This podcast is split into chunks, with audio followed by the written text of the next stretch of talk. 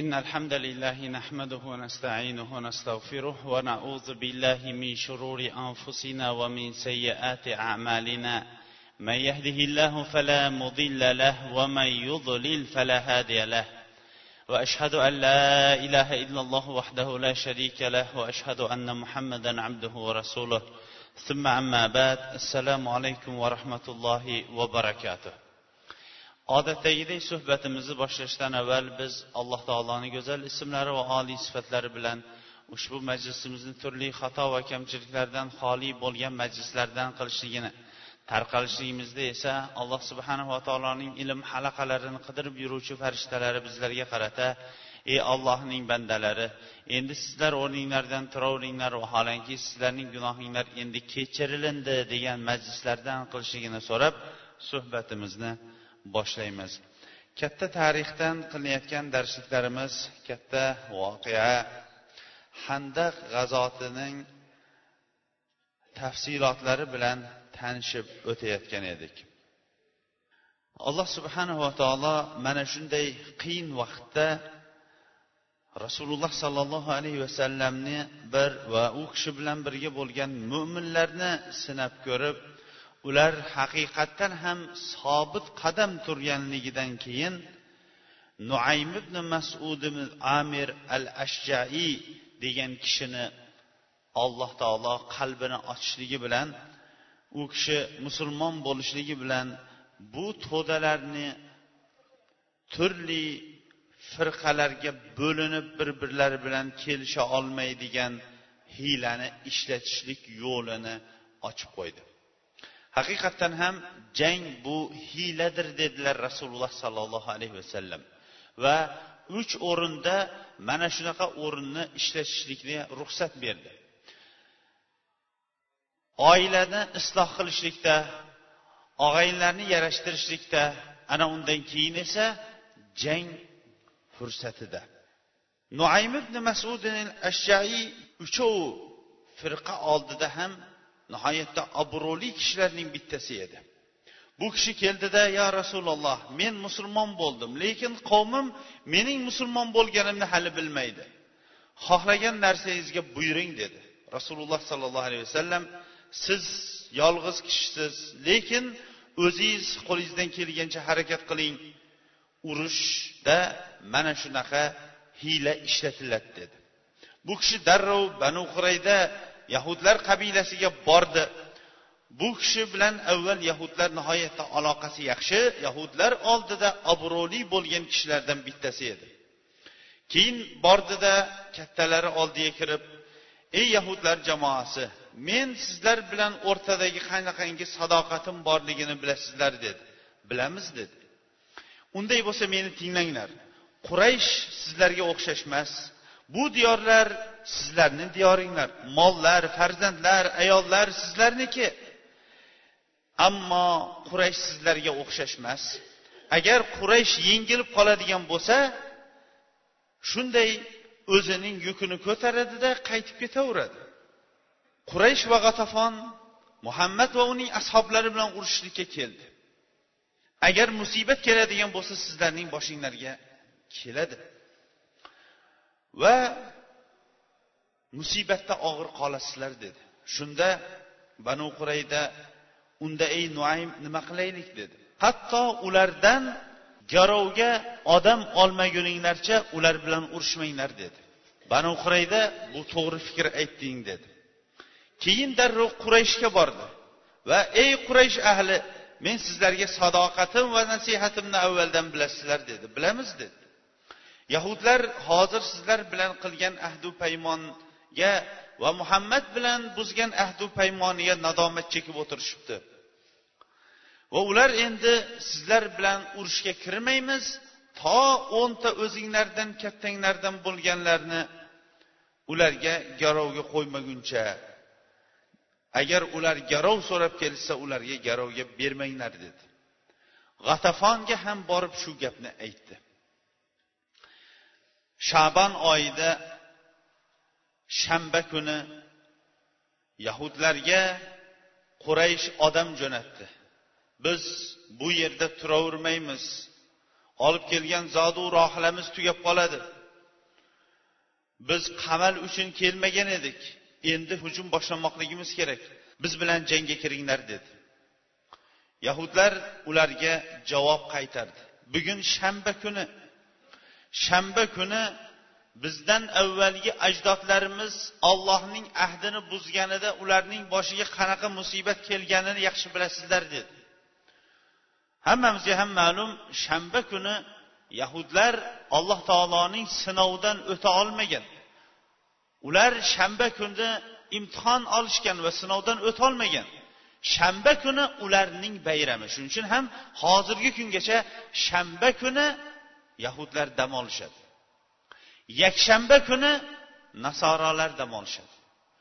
Juma bu musulmonlarning kunidir. Banu qurayda ularga javob qaytarib bizdan avvalgilarga qanaqangi musibat yetganini bilasizlar.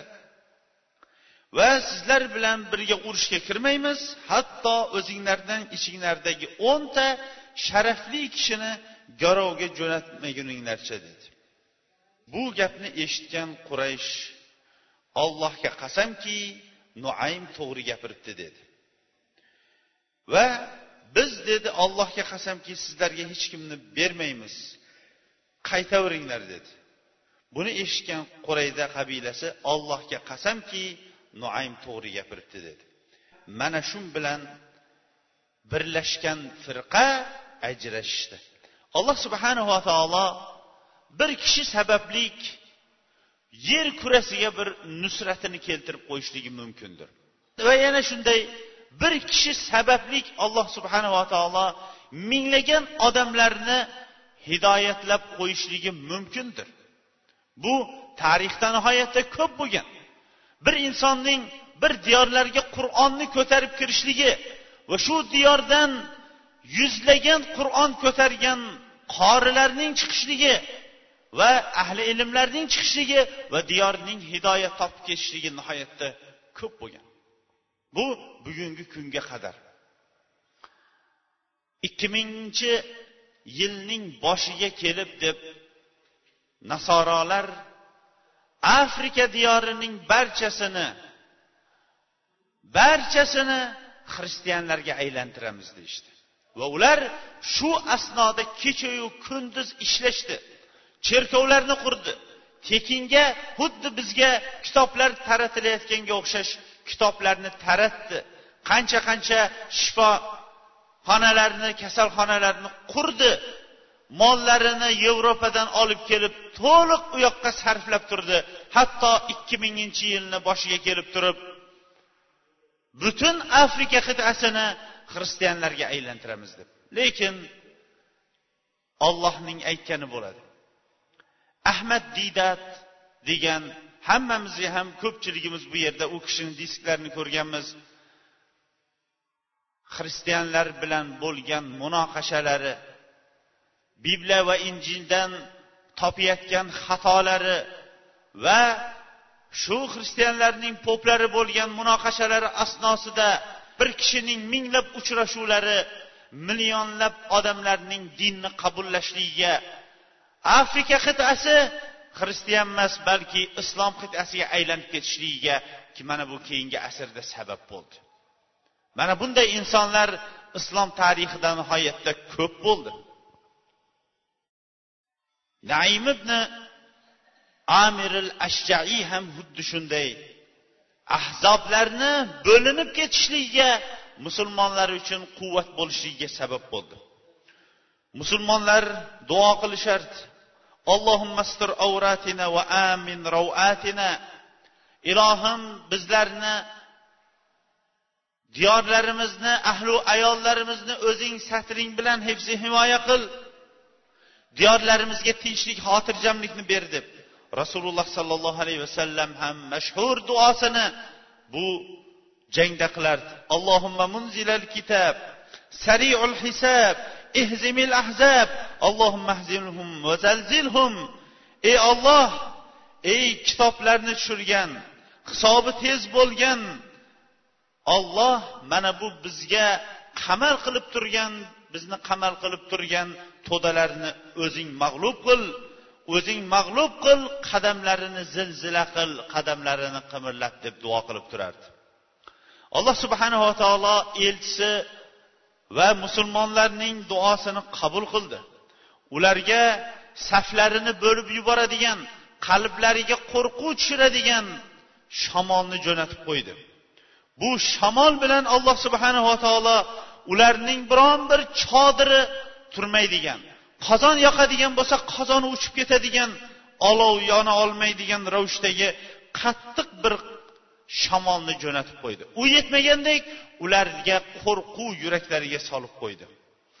Farishtalarni alloh subhanava taolo yuborib ular oyoqlari ostidan zilzilalar turgizdi. Rasululloh sollallohu alayhi vasallam ham ashoblari bilan bu shamolda o'tirishar edi. Bugun dedi dushmanning hol ahvolini so'rab kelishlikka kim chiqadi dedi. Ashoblarida ham qo'rquv bor edi. Ular jim o'tirishardi. Kim chiqib borib qaytib keladigan bo'lsa tinch omon va unga sovuq tegmagan holatda omon bu yerga qaytib keladi kim boradi dedi. Biron bir sahoba miq demadi. Kim borib qaytib keladigan bo'lsa unga jannat bo'ladi dedi. Unda ham indamagandan keyin rasululloh sollallohu alayhi vasallam ey huzafa huzayfa dedi. Labbay dedi. Turingda borib dushman nima qilayotganligini bilib keling dedi. Huzayfat ibn yamani roziyallohu anhu turdida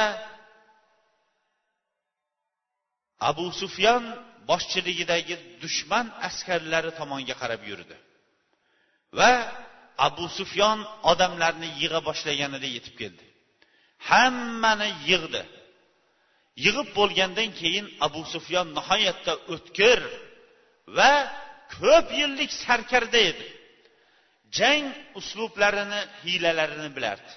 Shu yerda dushmanning hol ahvolini bildirib kelishlik uchun rasululloh alayhissalom elchi jo'natganligini ham sezardi.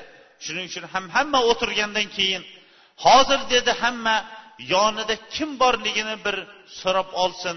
Hatto dushmanning dushmanning biz tomonga yuborgan josusi ichimizga kirib qolganligini bilmaylik. Keyin gaplashamiz dedi. Sovuq qattiq bo'lgandan odamlar boshlarini ham o'rab olgan qorong'u kecha edi. Huzayfa roziyallohu anhu ham payg'ambar alayhissalom tanlagan elchi edi.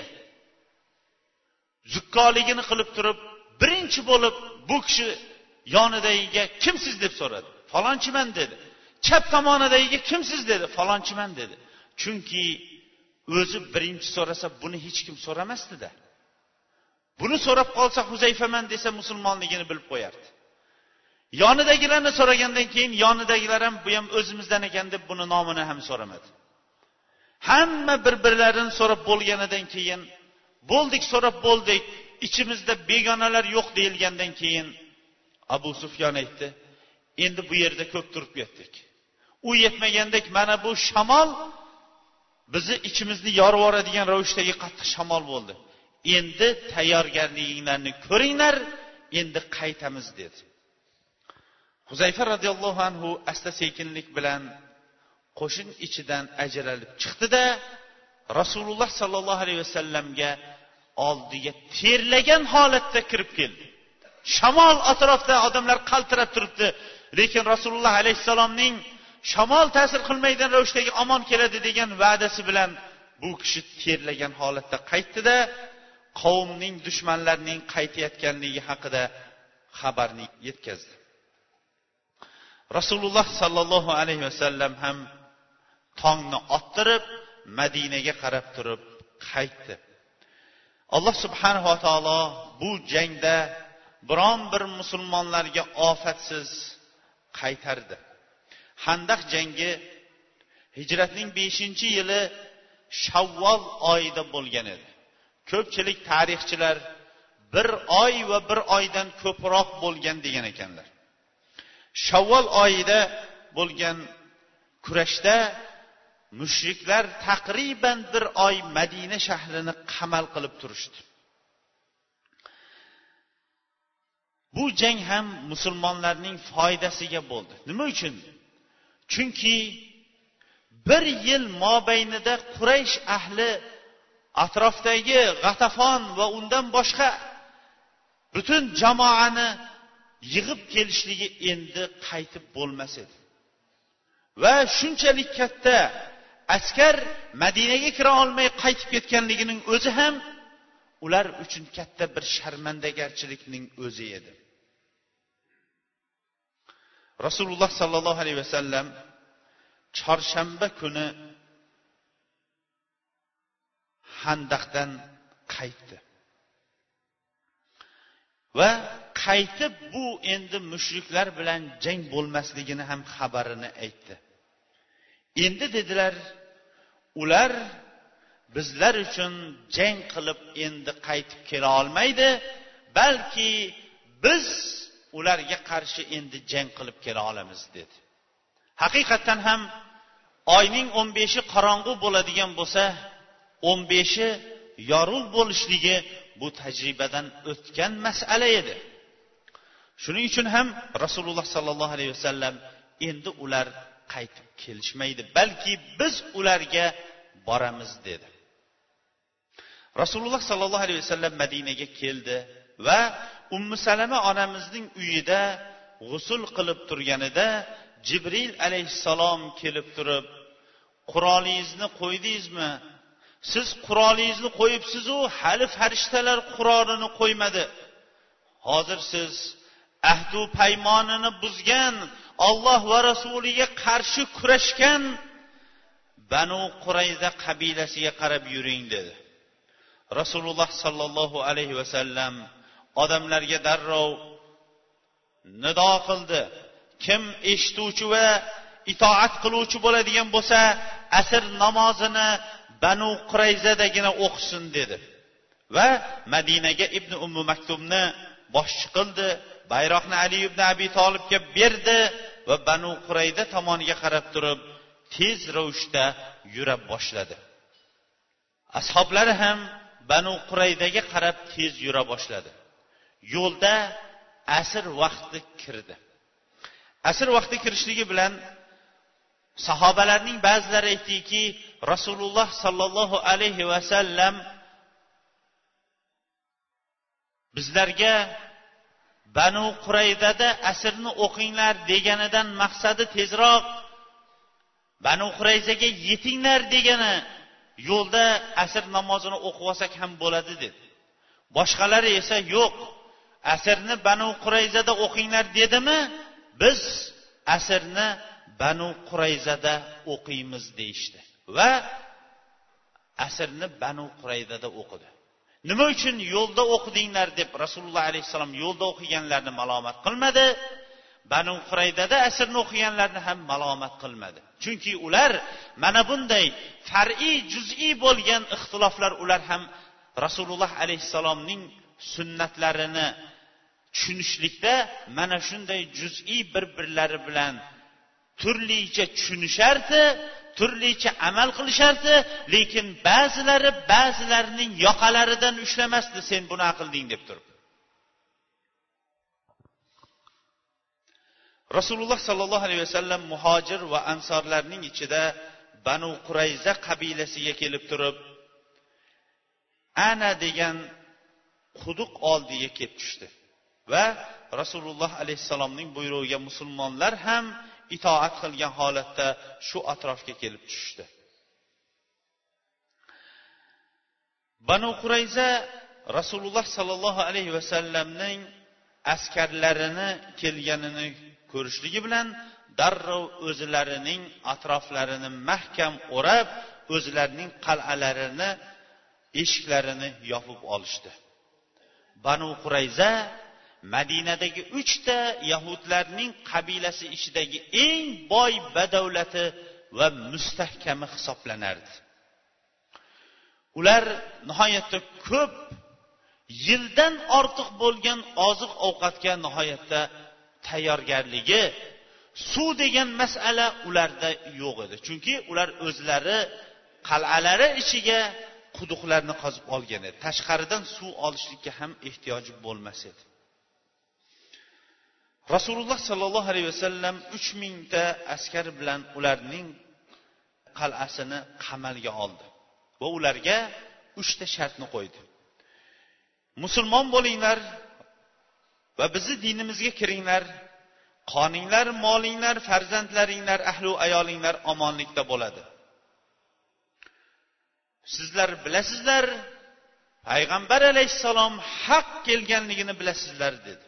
Va sizlar uni o'zinglarning kitobinglarda topasizlar dedi. Bo'lmasam urushasizlar ikkinchi shart. Va oxirgi qongacha urushlik bilan qal'adan chiqasizlar. Uchinchi esa farzandlaringlar va zurriyatlaringlarni topshirasizlar. Asir holatda o'zinglar topshirasizlar qurollaringlarni topshirgan holatda dedi. Mana shu o'rinda aytib o'tmoqligimiz kerakki islom hech qachon insonlarni darrov islom dushmanlari atrofda e'lon qilganiga o'xshash odam o'ltirmagan. Islom degani bu tinchlik salomatlik degan dindir.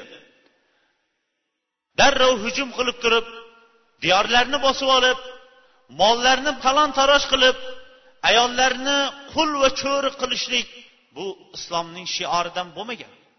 Islom agar biron bir diyorga boradigan bo'lsa ularga islomni targ'ib qilib turib musulmon bo'linglar islom olamiga kiringlar va yolg'iz ollohning o'ziga ibodat qilinglar shirkdan qaytinglar deb targ'ib qilardi. Agar islomga kirmaydigan bo'lsanglar musulmonlarga diya to'langlar xunlarni diyalarni to'langlar omonda qolasizlar. Agar unga ham ko'nmaydigan bo'lsanglar ana undan keyin biz urush ochamiz deb aytardi.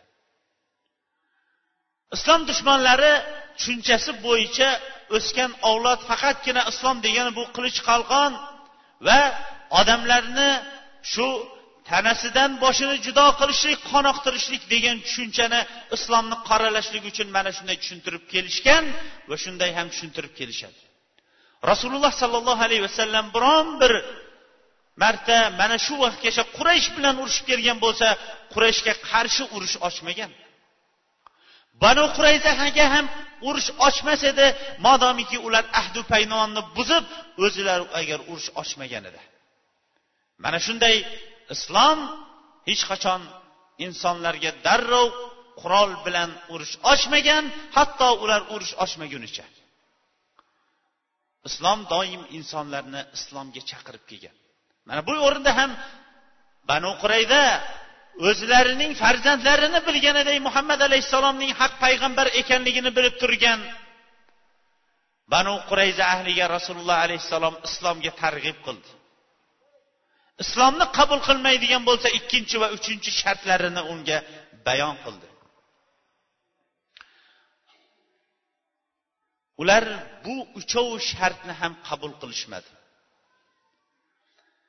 Keyin bo'lsa musulmonlarning ko'pligi va ozroq vaqt o'tgandan keyin alloh subhanava taolo ularning yuraklariga qo'rquv solganidan keyin rasululloh alayhissalomning hukmiga tushishlikka ular rozi bo'lishdi.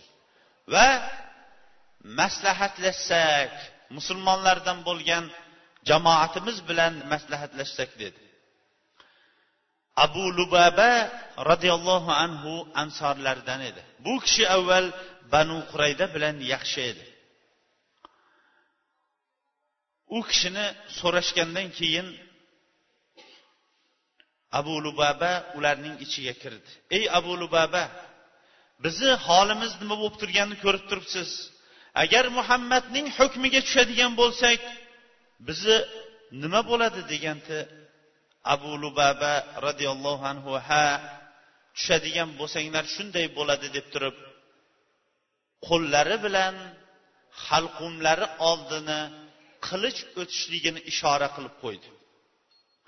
Keyin bo'lsa darrov olloh va rasuliga men xiyonat qilib qo'ydim dedida masjidga kelib o'zini o'zi bog'lab qo'ydi. Hatto masjiddagi ustunlarning bittasiga bog'ladida qasam ichdi.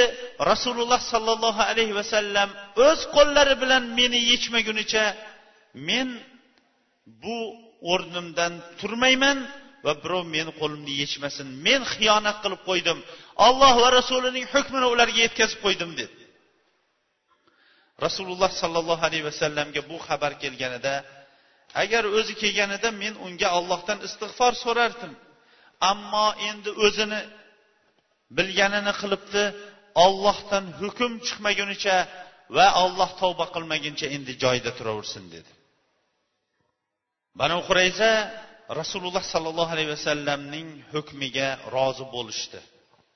Va muhammad ibn maslama al ansoriyning boshchiligida ular barchalari qo'llari bog'landi.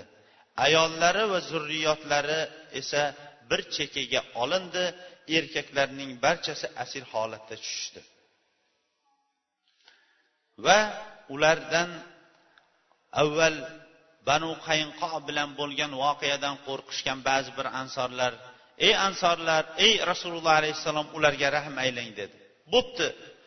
Men ularga rahm aylaydigan bo'lsam o'zinglardan biron bir kishi hukm chiqarib berishga rozi bo'lasizlarmi? dedi. Ular rozi bo'lamiz. Kimga rozi bo'lasizlar deganda sad ibn muozga rozi bo'lamiz dedi. Rasululloh alayhissalom shunchalik bir mehribon zot ediki o'zi hukm chiqarmasdan ularning eskitdan bo'lgan do'sti sad ibn muazning hukm chiqarishligiga rozi bo'ldi. Sad ibn muaz handaq jangida jarohatlanib masjiddagi u kishiga qo'yib qo'yilgan chodirda yotar edi. Va avvalgi darsimizda aytgandaqa duo qilgan edi. Ey robbim agar menga umr beradigan bo'lsang shu banu quraydaga hukm chiqarmagunicha mening jonimni olma. Jonimni oladigan bo'lsang jonimni olishliging quraysh bilan agar bu oxirgi jang bo'ladigan bo'lsa mening jonimni olishliging shu oxirgi jang ekanligining belgisi bo'lsin deb duo qilgan edi. Rasululloh sollallohu alayhi vasallamning buyrug'i bilan u kishi mana shu yerga olib kelindi. Eshakka o'tkazib olib kelindi. Rasululloh sollallohu alayhi vasallamga olib kelingandan keyin mana bu barchasi sizning hukmingizga rozi bo'lib turibdi barchasi sizning hukmingizda dedi. Shunda bu tomondagilarning hammasi hammi dedi. Ha dedi. Bu tomondagilarning hammasi hammi dedi. Ha dedi. Rasululloh alayhissalom turgan tomonga qo'li bilan ishora qilishlikka hayo qildida. Bu tomondagilarni hammi dedi ha dedi. Shunda u kishi aytdiki endi saatni dedi o'zlari. Malomatchining malomati olmasdan ollohning hukmi bilan hukm chiqarishlikka loyiq bo'lgan bir vaqt kelib qoldi dedi. Va men chiqaradigan hukm dedi. Shu yerda eslatib o'tishimiz kerak saad roziyallohu anhu banu qurayda bilan avval johiliyat davrida nihoyatda do'st bo'lgan. Shuning uchun ham banu qurayda quvonib ketuvdi saad ibn muaz hukm chiqaradi deganda bizga endi mana bu hukmni yengillatib beradigan bo'ldi deb ular quvonib ketgandi. Lekin islomdagi uning hukmi men dedi ularga qiladigan hukmim chiqaradigan erkak kishilarning barchasi o'ltirilsin mollari taqsimlansin ayollari va zurriyotlari ham taqsimlansin dedi. Rasululloh sollallohu alayhi vasallam bir chekkada turib haqiqatdan ham ey saad yetti osmon ustidagi ollohning hukmi bilan ularga hukm chiqarib qo'ydingiz dedi. Ular katta chuqur qazib olinib kelinib musulmon bo'linglar deb islomni ko'ldaran qilishardi. Ular aytardi biz muhammadning musulmonlarga yer kurasiga jo'natilingan elchi ekanligini bilamiz lekin musulmon bo'lmaymiz derdi. Va ular shu chuqurga tashlanilardi vaqtimiz yaqinlashib qolganligi uchun ham inshaalloh kelgusi darsimizda masalaning nimaga yetganligi haqida inshaalloh davom ettiramiz.